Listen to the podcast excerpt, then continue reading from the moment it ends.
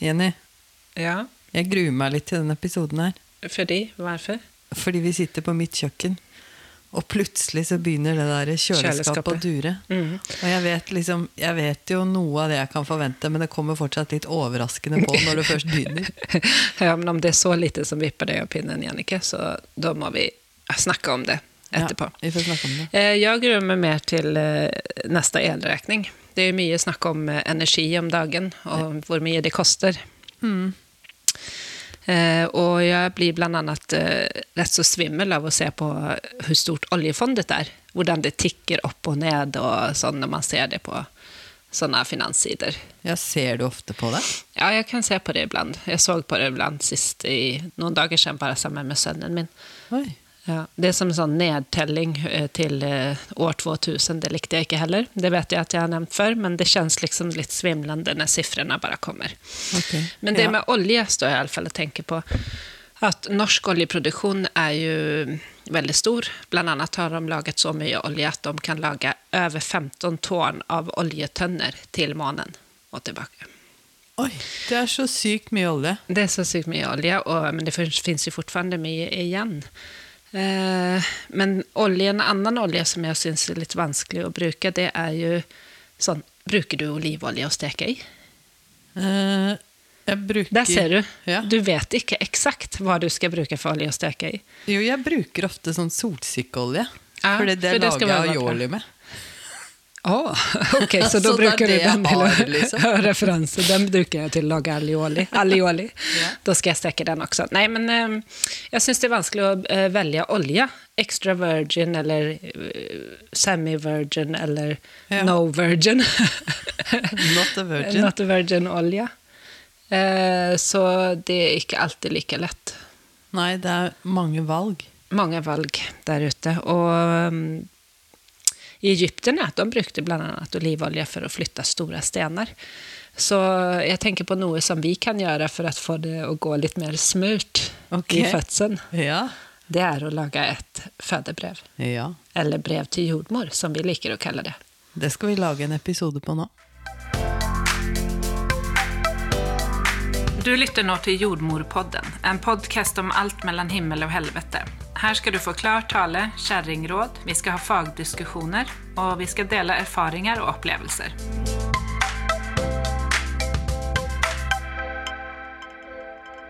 Ok. Et eh, fødebrev. Eller brev til jordmor, som vi liker å kalle det. Det Ja, finns jo også andre ord, Ønskebrev. Blant annet leser man på mange steder, eller fødeplan. Jeg hater Nei, det var et hardt ord. Jeg er ikke glad i ordet fødeplan. For fødsel kan du ikke planlegge. Nei, og så tenker jeg også att eh, det kalles ofte føde, føde, Men hva med barsel? Ah, ja. Altså at man, man gjør en plan for fødsel, men eh, mange borde egentlig ha en plan for barsel. Ja, det er litt sånn som det vi snakket om, det som vi hadde på Instagram for litt siden, hvor tre ting du gjøre, burde gjøre før du føder. Og et av de var jo å forberede seg på foreldreskapet. Så du vil nå også ha fødebrevet til å vare etter fødsel. Ja, at det liksom går litt, litt utvidet i alle fall. Eh, og at man... Eh, hvorfor skriver man et brev til jordmor? Vi er jo, som vi kommer si i denne episoden, også opptatt av det for at det gir en forberedelse for fødsel. Ja. Og at man eh, veldig gjerne kan gjøre det sammen med partner. Men dette fødebrevet, da, Jenny, det er veldig mange som jeg opplever kommer til meg på svangerskapskontroll. Hvis jeg har snakket om at ja, du, eh, neste gang kan vi snakke om fødebrevet ditt, da. Eller brev til jordmor. Og så kommer de også. Åh, du, jeg har ikke klart å skrive den der fødeboka, jeg. Nei. Og da blir jeg litt sånn Oi, unnskyld! Det var ikke meningen å liksom lage en så stor oppgave for deg. For jeg tror mange eh, tenker om et, når de hører et fødebrev, at oh, dette er noe jeg må gjøre. Dette er noe jeg må få til. Dette er noe jeg må rekke. Ja, eller at man må eh, basere det på fakta. Eller at man må liksom ja, gjøre det så stort. Ja. Jeg tenker at det kan være et levende dokument som under graviditeten eh, finnes og kan påføres korte eller lengre ting.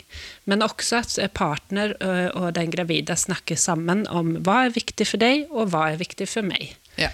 Det som jordmor i alle fall tenker at et fødebrød handler om, det er at man får informasjon om Hva eh, trenger kvinnen og partneren av jordmor eller eh, omstendighetene for å føle seg trygg? Ja. Men man kan jo også tenke at iblant så føler jeg meg litt sånn flau for at jeg ikke har rukket å lese det fødebrevet, eller ikke fått med meg visse saker. Så uh, Og da virker det fødebrevet litt mot sin hensikt, fordi det får vi jo noen ganger tilbakemeldinger på når man har fødselssamtale, at jeg opplevde at jordmoren min stilte meg alle de spørsmål, nei, spørsmål om alle de tingene jeg hadde skrevet i fødebrevet. Ja, ja. Og da blir det litt sånn, nei, men hun vet jo ingenting om meg, hun, selv om jeg har forberedt meg og skrevet ned dette her. Ja, og det blir dumt, og det beklager vi. Men som oftest så, så leser vi de fødebrevene, og vi syns at det er veldig fint å ha. Ja, og så kommer vi jo da tilbake til at jeg tenker ikke at man skal skrive det fødebrevet fordi at jordmor skal ha den informasjonen. Fordi vi er flinke til å finne ut hva dere trenger uansett. Vi er opptatt av at dere skal skrive det fødebrevet fordi dere må reflektere over fødselen og det dere skal gjennom.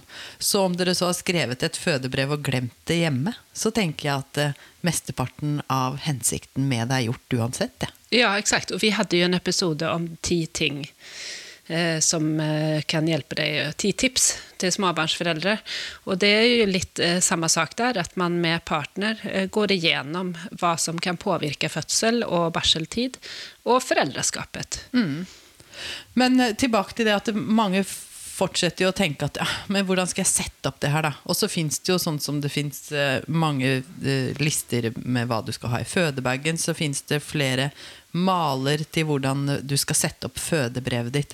Men da blir det liksom en stor oppgave. Men vi kan gå gjennom nå epis i denne episoden igjen i små punkter da, som vi tenker er hensiktsmessig å ha med hvis man skal skrive et eh, fødebrev. Ja, det kan vi gjøre.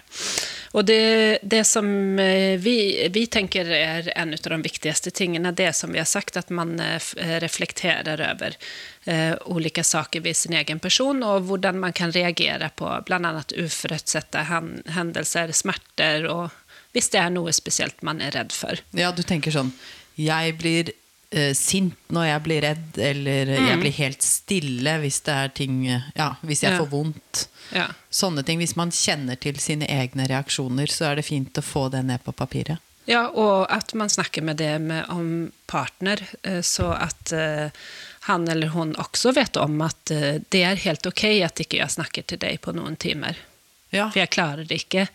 Eller eh, så at ikke man som, som par kan stille som det beste mulige teamet man kan være. ja. Og en ting til jeg tenker eh, Jeg bare hopper, skyter inn med dette. At en annen viktig ting ved å skrive et sånt brev til jordmor, er jo at man, når man går i fødsel, så blir man ofte, det har vi jo sett, eh, veldig opptatt av sine egne smerter og den spennende situasjonen som man ja, fokus, skal fokusere veldig på. da. Og hvis det er noe man har tenkt at dette må jeg få fortalt jordmor når jeg kommer inn i fødsel, for det er viktig for meg at hun vet, så er det veldig fint å ha skrevet det ned på et papir, og så leverer man fra seg det sammen med helsekortet. Ser du, jeg gir deg dette nå igjen. Og da kan man på en måte rydde det bort fra hodet. Da er det stresset borte. For da, har du fått sagt, da vet du at nå har jeg fortalt dette til jordmor. Ja, for det er ikke alltid man klarer å formulere seg like bra når man har vondt, eller når man kommer inn til en eh, skal møte en ting som man ikke har gjort før. Ja, det kan jo være man har gjort det før òg, og Ja, har absolutt. erfaringer. og liksom, Nå skal jeg konste og fokusere skikkelig på den jobben jeg skal gjøre, men eh, det er viktig for meg at jordmor vet dette om meg. F.eks. det derre 'jeg blir stille når jeg blir redd og får vondt'. da. Sånn at vi fortsatt gir ja, den eh, gode God støtten og hjelpen. Men tidligere erfaringer har også veldig mye å si. Og det, det er jo mange som skriver det i fødebrev, at uh, sist gikk det sånn her, og det er jeg redd for at det skal skje igjen. Mm. Og det syns jeg også på mange måter er fint å ha med seg. For selv om vi alltid gjør vårt beste for at folk skal få en god fødselsopplevelse, så kan man kanskje litt ekstra på noen ting hvis det er viktig for kvinnen. Ja, det er lettere å møte dere raskere på de stedene, på de rette stedene, da, de dere trenger. Og jeg opplever jo også oftere at det er flergangsfødende som har med et fødebrev, nettopp fordi de vet hva det skal inneholde, for de vet, er veldig klar over ønskene sine da, for neste fødsel. Men eh, jeg tenker at hvis man som førstegangsfødende har reflektert gjennom fødselen, da, så møter man jo veldig mye bedre forberedt eh, fordi man har tenkt gjennom fødselen. Hvis man har skrevet et fødebrev. Ja, exakt. Og det, samme gjelder jo partner. At eh, han eller hon också tänker igenom vad är det som jag blir rädd för. Hvordan, en del eh, mm, de føler jo seg veldig hjelpeløse, bl.a. på fødestuen. Det er vanlig. Og, ja, det er veldig vanlig, og det er helt ok å si. At hva skal ni bruke meg til? Jeg kjenner meg hjelpeløs. Jeg kommer på en annen ting eh, når du sier det nå, at det fins jo partnere som tenker at vet du, en fødsel, det har jeg ikke noe lyst til å være med på. Men så tenker man jo at eh, det er en oppgave som er forventet at jeg blir med på. Sånn at det tør jeg nesten ikke si høyt. Nei. Og kanskje man ikke snakker om det. Men er det ok for partner å ikke bli med på fødsel? Ja, jeg syns det. Men eh, jeg tenker at hvis det kommer fram, da, når man setter seg ned for å skrive et fødebrev, så blir jo det avklart da kanskje i en rolig eh, setting, og man kan snakke saklig om det. Og så kan man finne ut Enten snakke partner trygg på å være med på fødsel, og gjerne da eh, snakke sammen med jordmor som dere går på kontroll hos, eller eh, eventuelt jordmor på sykehuset hvis det er- ligger mye angst bak både hos mor og far. Da. Um, men at man da får fram det i en rolig setting, og kanskje man finner ut at vet du hva, jeg tror det er bedre for hun som skal føde, å faktisk ha med seg en annen fødselshjelper enn partner. Ja, eller at man da får såpass mye informasjon som jeg tror kanskje det er mange som ikke riktig vet hva de går til. Og da er det lett å være mer engstelig. At man får fram så mye informasjon at man eh, helt plutselig føler at jo, men det her skal jeg takle. Og om man har en utvei, f.eks. at hvis det blir for mye for meg, er det ok at jeg går ut. Ja. Og jeg syns det er helt ok. Jeg svarte ja på det, at det er greit at partner ikke blir med.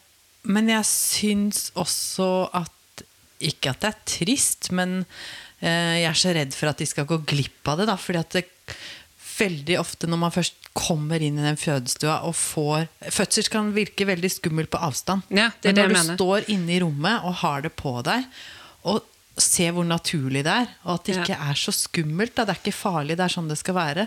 Og da vokser fødselen bare på deg, og da blir det jo også en super mestringsfølelse for partner, da, som har Ja. klart å gjennomføre, gjennomføre med gåstein en Mm. fødsel. Ja, og, og også ha den følelsen når barnet kommer. Altså, det er jo den beste følelsen, og det er jo mange partnere som da liksom virker som de slipper alt og bare gråter. Eller, Det er veldig fint så, øyeblikk. Så det, det syns jeg også at man skal på beste mulige måte for alle så klart legge opp til en god fødselsopplevelse. Og, men prøve å informere godt og trygge, så at man kjenner at det her klarer jeg. Jeg har jo før sagt at fødselen, at fødselsforberedelse er viktig, men at foreldreforberedelse er enda viktigere, fordi fødselen bare er et komma i livet. Men allikevel så tenker jeg at det kommaet er veldig stort, og det er veldig fint hvis man er eh, he, både begge foreldrene med da, på Ja. den opplevelsen, og at man kan bearbeide den hvis den har vært vanskelig, men ikke minst liksom ha opplevd dette sammen. da. Ja, exakt. Men nå snakker vi bare om fødsel igen. eh, vi refererte at det var fødebrev. Men det er for at vi skal ta litt om barseltiden etterpå. Ja. Eh, Men noe annet som, eh, som også kan komme med godt, er jo sånne konkrete ting som man har angst for. Altså en, det er mange som skriver at de har sprøyteangst, eller blod, eller ehm, ja, noe ved sykehuset bare, som gjør at de Ja, blir engstelige. Ja, sykehusskrekk. Ja.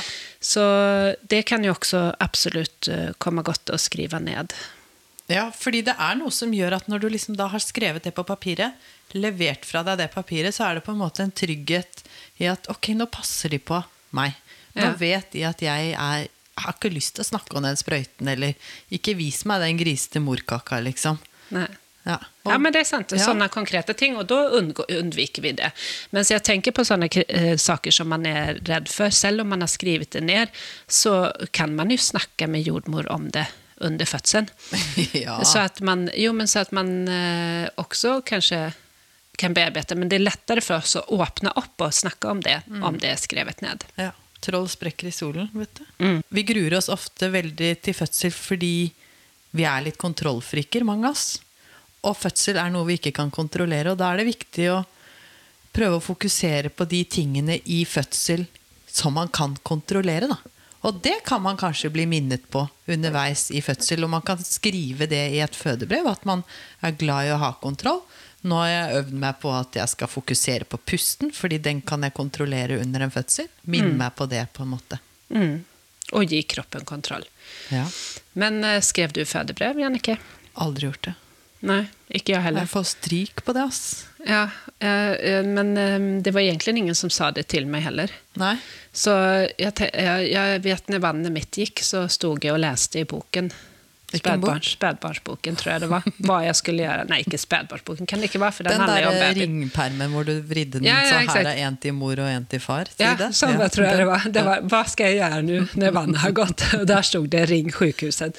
Ja. Og så gjorde jeg det. Det var i hvert fall riktig info, da. Men eh, fødselsforberedelse, stryk på Jenny. Ja, Ja. stryk. Men jeg mm, Det er det. Ja. Så jeg sier ikke så mye mer om det. Men, Men da eh, kan men- jo vi ta våre erfaringer, at vi skrev ikke fødebrev. uh, um, Så det tenker jeg jo at jeg absolutt kunne hatt nytte av. Og absolutt partner også. Hvis, jeg vet at hvis vi hadde liksom sett, satt oss ned for å skrive et fødebrød, det kunne blitt en veldig fin greie. Og man kunne blitt mer eh, sammen om fødselen. Da. Ja, absolutt ja. absolutt ja også, fordi at eh, Blant annet så var jeg litt sint på min mann, hvilket vi også ofte opplever på fødestuen. At man blir litt sånn, ikke sint, men bare “ikke ta på meg!' og du vet sådär. Ja. Eh, så jeg kjeftet på han eh, jeg hadde ri og så sa jeg unnskyld når jeg ikke hade de.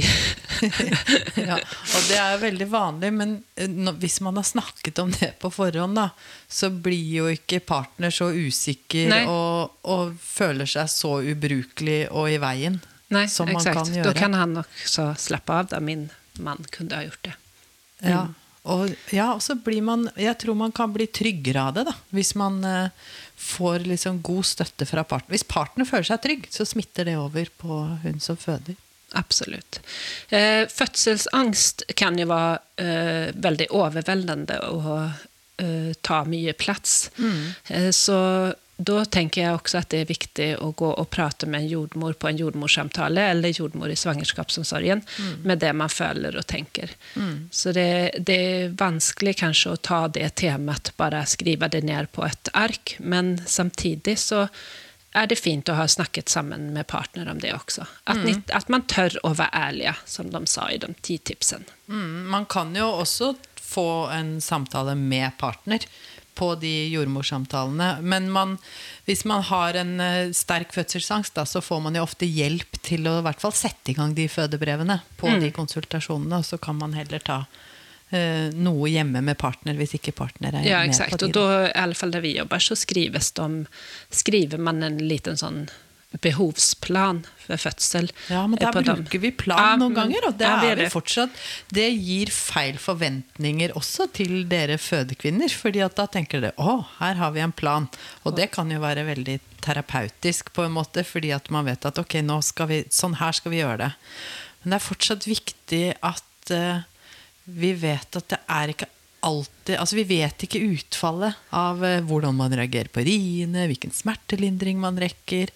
Ja, Nei, så det er ikke den, eh, den eh, brev til jordmor, det er ikke noe som er liksom skrevet i stein, som de sier på norsk. Nei.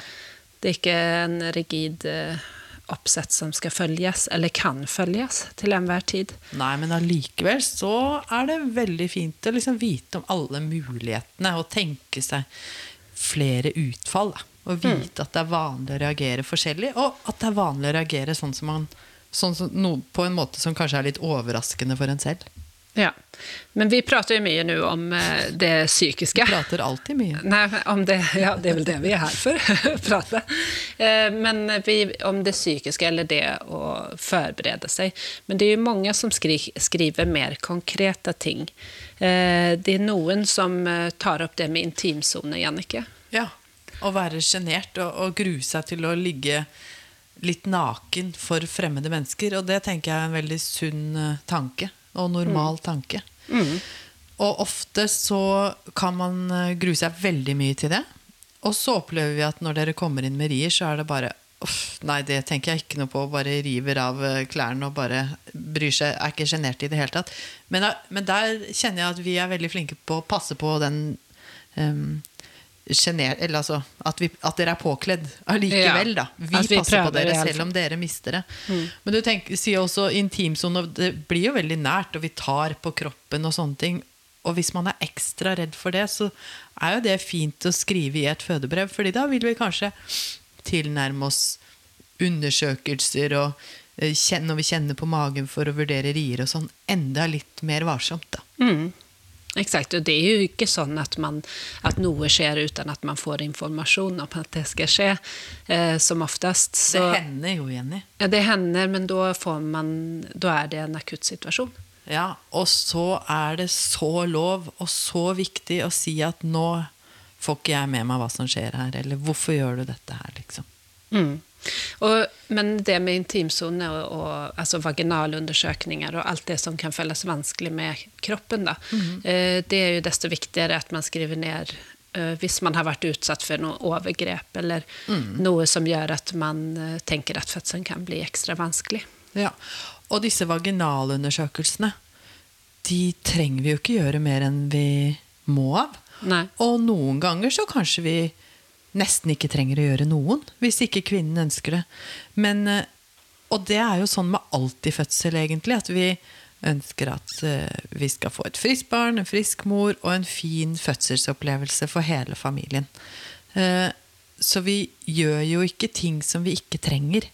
Og noen ganger så er det jo dere som ønsker at vi skal undersøke for at dere skal få motivasjon til å vite hvor langt kommet dere er i fødsel. Mm. Det er mange som gjør det. Mm. men, og noen ganger så er det vi, hvis vi ser at nå har det holdt på en stund, og babyen viser at nå, nå er den litt sliten, faktisk, så er det jo fint å få vite om den har langt igjen til eh, mål eller ikke. Da. Ja, så det er noen ganger i, underveis i en fødsel som det faktisk er nødvendig å undersøke. Men vi, vi, det viktigste er at dere føler at dere, eller at dere opplever da, at dere er med på beslutningene som vi gjør. Noen kan jo skrive i et fødebrev at eh, bare bestem, jeg stoler på dere. Men allikevel så vil jo vi informere underveis. Eh, men da vet vi at dere kanskje har eh, ganske stor tillit til oss som jobber der, da, at dere kommer inn og, og føder. Men jeg, jeg ønsker fortsatt ikke at dere skal skrive at eh, jeg gjør bare som dere sier. Fordi det er du som skal eie fødselen din og styre den fødselen, og vi skal bare gripe inn der vi trenger. Ja, exakt. Men på andra sidan så är det också många som skriver at jeg har et stort informationsbehov. Ja. Jeg trenger å bli informert og ikke snakke over hodet mitt. Snakk med partneren hvis ikke jeg er eh, Tilgjengelig. tilgjengelig. Ja. Ja. Så, og Og da, da- mener jeg ikke tilgjengelig at hun er på do. Nei, men mer at hun er fokusert Ja, og inne i fødebobla, forhåpentligvis. Mm. Ja, men det, Og det gjør vi jo. Men de gangene man skriver disse tingene, så fokuserer vi jo ekstra på det. Mm. Mm. Eller raskere, da. Vi, kom, vi skjønner fortere behovene deres ved at de har skrevet ned. Ja. Og det er lettere å snakke om. Mm. Eh, vi er jo også, eller dere gravide, er jo også opptatt av den stemningen i rommet. Mm. Og det kan sikkert bli glemt eh, en del ganger, f.eks. om det er travelt, og noen kommer inn og tenner lyset og liksom sånn. Og det, det kan man sikkert oppleve, men uh, som regel så passer vi også på at uh, det er rolig og fin stemning på fødestuen, og at uh, det er litt dunkel belysning. Vi skal fremme det oksytocinet, da, så vi får gode rier. Det er liksom det viktigste fødeverktøyet vi har, eh, er det oksytocinet. Og Ja, det, det- må vi prøve å få mest mulig av. Og vi ønsker jo mest at det skal være selvprodusert, og ikke gjennom eh, drypp eller medisiner i hånden, liksom. Eller Nei. i intravenøst. Så derfor er det bra med litt dempa belysning, og at man, at man har et rom, en stemning i rommet som man føler seg komfortabel med, for vi vet også at adrenalin motverker oksytocin. Ja. Men så er det jo noen, eksempel hun Stine, eller Stine Hartmann, som vi snakket med for noen måneder siden. Hun hadde jo lyst på DJ og fødefest på stua, Ja. og, det gjør henne sterk. ja, og det gjør, gjør henne lykkelig og glad, og sånn produserer hun oksytocin. Så at vi er jo forskjellige. Men jeg tenker Og fødefest er jo Jeg syns hele den, det opplegget rundt hennes fødsel var helt fantastisk. Ja, verkligen. Det var fint. Men så bare bara för att det ytterpunkter på allting, men at man også tenker igjennom er det viktig for meg? Er det viktig å poengtere noen ting med stemningen i rummet? Vil man ha musik? Vil man ha lys? Skal Eh, man danse og synge Ja. babyen ut, eller skal, Skal man vi... puste rolig? Ja. Eller skriker man når babyen Kom, kommer? ja, vi har noen sånne urkrefter i oss, så Ja. man våk, våkner De, kommer, de våkner til, at- til liv even om det er liksom- dempet belysning. Ja, at man liksom blir litt overrasket over den kraften som bor inni en. Da. Mm. Men den bor der. Det er derfor dere må ha troa på dere selv, at dere også kan føde. Nej, så, men informasjon og kommunikasjon det står jo sterkt i alle de her punktene. Eh, så det må vi passe på. Det er vårt eh, ansvar å passe på, men det er veldig fint å få en hint om hva som er viktig. Ja, jeg tenker at dette fødebrevet er en, eh, et bra punkt i kommunikasjonen. Da. Ja. Eh, vad, med, hva skulle du vilja om, du hadde, om det helt plutselig kom to personer inn på fødestue når ni skulle hilsa første gången? Hva mener du nå? To fødselshjelpere? Mm. En partner og en eh, til? Det hadde vi jo før. Da, var, da hadde man, man har fortsatt lov å ha med seg to. Ja, ikke in the Rona Times. Nei, nei. Ikke nå, med corona. Ja, man har det. Hva, hva, hva, jeg vet ikke hva du spør om. Nei, jeg tenker at hvis man skal ha med flere personer så er det også viktig at den personen er litt innlemmet i denne planen. Ja. Jeg har opplevd noen ganger på fødestuen at det er liksom eh, de pushar fra to ulike vinkler. Mm. den partneren gjør på en måte og så kommer eh, en annen typ av mm. på andre. Så det er viktig at man snakker sammen om den, med den som skal være med på födsel. Ja, og før du kommer dit, så er det viktig at uh, den man, man tenker selv, da, at den man har med i fødsel, skal gi deg noe. Og støtte deg. Det er ikke, man skal ikke være med for show, liksom. Nei. Så, det er ikke du som skal entertaine her. Det er, mm. de skal gi deg støtte og ro. Og jeg tenker jo at eh, i de fleste tilfeller så er det vel partner som skal få den nærmeste plassen, men selvfølgelig så kan man ha avklart på forhånd at dette funker bedre for oss med partner litt bak, da. Hvis Men det är just partner det er veldig redd. Ja, Mm. At man har snakket sammen Eh, Men så kan vi også være to. ja det, og det håper vi jo på å være på slutten. Ja, men jeg tenkte mer på studenter. Ah. Vi kan være tre når vi egentlig skal være to. Ja. Eller fire og fem. Ja, og det er jo ofte et punkt som er på fødebrevet, at jeg ønsker ikke studenter. Og da tenker jeg dette er mangel på eh, Dette er ikke et informert valg. Dette er ikke en eh, informert refleksjon. Jeg tenker at eh, jordmorsstudenter er helt topp å ha med på fødestuen. Da får man jo mer attention, helt enkelt. Absolutt. Og man får Jordmorstudenter har ofte mye mer tid til å være der hele tiden. Og de kan massere hvis partner vil ha litt pause, og de kan heie gjennom hver eneste ris. Og jordmorstudent, det er bra smertelindring, det er enig. Ja. Og god trygghet. Og god trygghet. Eh, Så eh, det, man trenger ikke å tenke at studenter gjør det utrygt. Nei. Utan studentene de er aldri alene. Nei. De gjør ikke noe som de eh, selv ikke føler at det her er jeg trygg på. Utan de spør i så fall. Absolutt. Mm.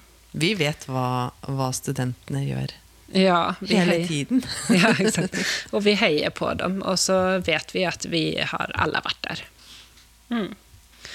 Nei, men eh, når barnet har kommet ut da, så er det jo fortfarande en barseltid som kommer i møte.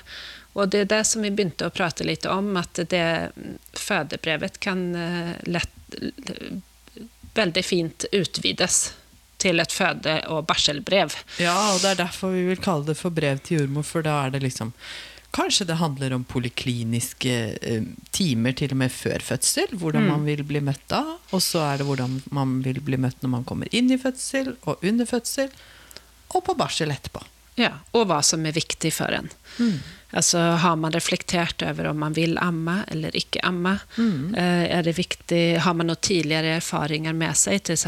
at man hadde sykt tidligere barn som ble overflyttet? Det er det mange som tar opp. Ja, eller lagt på nyfødt intensiv til de som har eh, intensivavdeling Ja. der de føder. Ja, exakt. Det stemmer. Og også eh, hvis man har psykiske utfordringer fra før, så er det jo veldig fint å ha sagt det eh, før man kommer på barsel. Ja. Og noen ganger da, hvis man skriver dette fødebrevet, da, så har man eh, et stort punkt på etterfødsel om at det er viktig at jeg får hvile, at jeg får sove for min mentale helse, for det vet vi søvn er absolutt veldig viktig for. Så kan det være lurt at det allerede er kommunisert til barselavdelingen, da, så man har et notat f.eks. i journalsystemet som sier at eh, her har vi en kvinne som trenger ekstra støtte på ja, og avlastning, da. For at eh, hun skal ha det best mulig psykisk i barseltiden. Ja, og det er samme her med partner, at det er viktig for eh, dem også å avklare hva man ønsker seg, hva man forventer, og ja, hva man kan bidra med. Det fins jo mange maler på nettet, som vi sa. Eh, Så hvis man setter seg ned, da, og så kan man bare skrive på et hvitt ark, og så skriver man 'brev til jordmor' eller 'fødebrev'. Og så kan man skrive, det kan være to, punkt, to stikkord under der. Eller man kan skrive fire av fire sider. Vi leser begge deler, vi, og vi blir glad for alt. Og det viktigste for oss er fortsatt at dere sitter sammen og reflekterer over hva dere skal gjennom, sånn at dere kan jobbe best mulig sammen under fødsel. Men øverst så kan man jo da tenke på hva slags innstilling har jeg til denne fødselen? Gruer jeg meg? Gleder jeg meg? Er jeg keen på å gjøre dette i min egen fødeboble, eller har jeg lyst til at partner skal være skikkelig mye med? Ja, og hva trenger partner? Eh, vil han eller hun eh, Sitte på en stol alene? sitte på en stol Ja. alene og ikke snakke? eller eh, vil han være bidragende? Vil han ha hjelp? Og få hjelp? Og hva forventer man av jordmor når man kommer? Ikke sant? Begynne å tenke på det. Og så kan det jo dukke opp masse spørsmål mens man skriver dette brevet. Og da er det jo veldig fint å ta med det til jordmor der du går på kontroll, da. Så man kan få avklart en del forventninger. Ja, og hjelp til å starte gode samtaler, hvis man trenger det.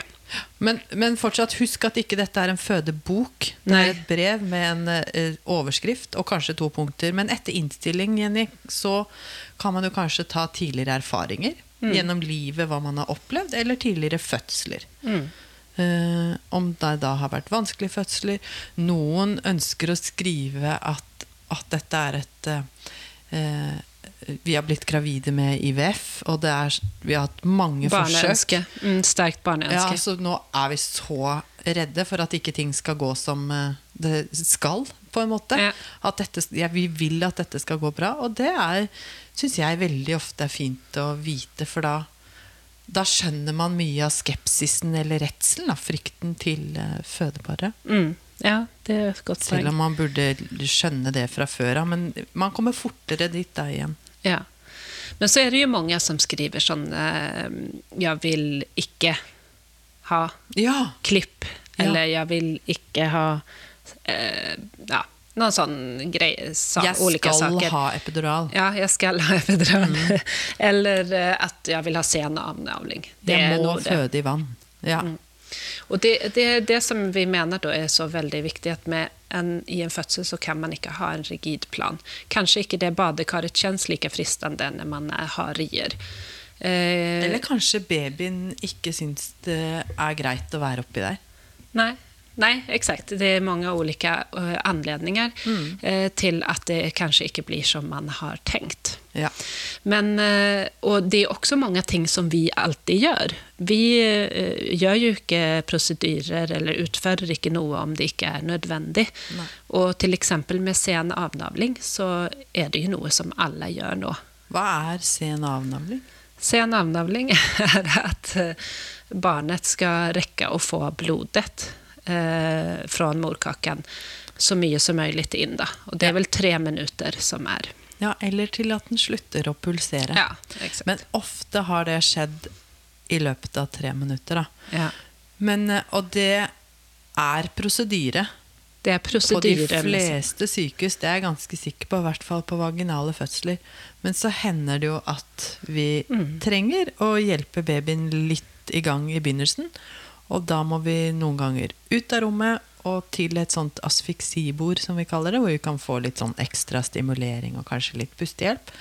Og da må vi klippe navlestrengen før det har gått tre minutter. Ja, eksakt. Så det, vi, gjør, vi gjør, saker, ibland må vi gjøre saker selv om vi ikke ønsker, holder jeg på å si.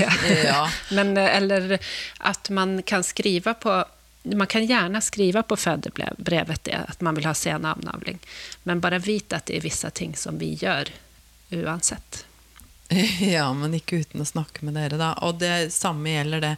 Jeg vil ha et klipp, jeg vil ikke ha et klipp, fordi at eh, jeg vil passe på kroppen min på den måten jeg tenker er best. Men prøv å stole på jordmor, og tenk at hun kan vurdere din anatomi og ditt vev og hele fødselen og hvordan babyen har det, og framgangen i fødsel. At, å stole på at hennes vurderinger er eh, gode, da.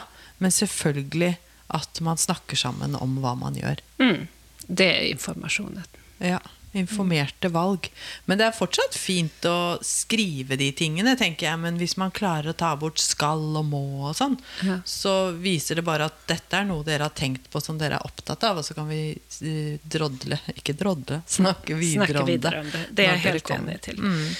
Men eh, Så da er det eh, innstilling til fødsel, tidligere erfaringer, angst for sprøyter og blod og sånn. Det var det du som mm. sa i stad, Jenny. Og, Intimsone og vaginalundersøkninger. mm, og kanskje hvis man har spesielle tanker om smertelindring. eh, bare fordi at man skal gjennom, gå gjennom hvilke muligheter har jeg. Stemning på rommet, ja. Og noen, noen har også fødestillinger.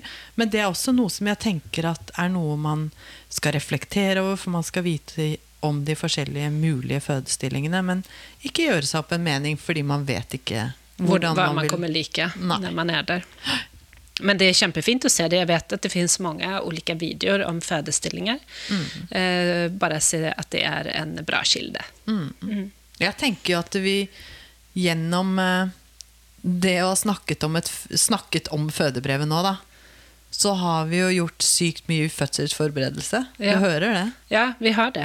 Og så, som jeg sa i, alldeles i starten, la det fødebrevet være et levende dokument. Kanskje det starter med 20 punkter som ender opp til tre eh, viktige. Eller så blir det, som Jannicke sa, noen sider. Og om dere har glemt det hjemme, så ikke, bør dere ikke snu og hente det, fordi dere har gjort de refleksjonene, og så kan vi eh, finne ut av det uansett, vi. Men uh, vi syns det er veldig hyggelig med fødebrev. Det gjør vi. Men vi sier ikke hvor er fødebrevet ditt. Nei, det gjør vi ikke. Hvis du ikke har det med. Men uh, ikke lag det til en stor greie. Lag det til en uh, fin, forberedende ting. Sammen med partner. Og så vite at vi setter pris på et fødebrev. Ja, og at vi alltid gjør saker, eh, tilstreber å gjøre saker for å gjøre dere trygge. Og at dere skal ha en god fødselsopplevelse. Eh, er det noe annet som kan gjøre at man kan ha det litt bedre i barseltiden? Nei, hva tenker du da? Jeg tenker at man kan få veldig god støtte når man f.eks. skal ha babyen inntil seg. Og kanskje mate den, hvis man har tenkt å amme. da. Mhm, det kan man, og det får man eh, av eh, Bibi Hagmi sin gravidpute. Eller deres ammepute. Ikke sant? Den er veldig fin å legge under babyen når man skal eh, amme, som støtte. Hvis man ikke syns det er noe særlig, så kan man jo bruke den som støtte til nakken sin eller ryggen eller mellom Ja. bena. Mellom bena, under knærne. Det finnes mange, Den har mange ulike bruksområder, men er absolutt veldig fin å ha for eh, avslapning og søvn. Ja, vi kan anbefale, anbefale Bibi Hugmy. Men etter efter man er ferdig med barseltiden, så kommer jo småbarnsperioden. Så det trenger ni ikke å skrive noe brev om. Men det er fortsatt viktig å snakke sammen, som vi hadde i vår forrige episode, eller eh, noen episoder siden, om, om eh, familieforberedelse. Vi ønsker dere lykke til, Det gjør det fødebrevet, eller brev til jordmor. Mm. Ta og Spør noen da, hvis dere lurer på hvordan dere skal gjøre det. Og har dere noen innvendinger til eh, denne episoden, eller hva vi snakker om, så ta kontakt med oss på Instagram eller på mail jannikajenny at jordmorpodden.no. Ja.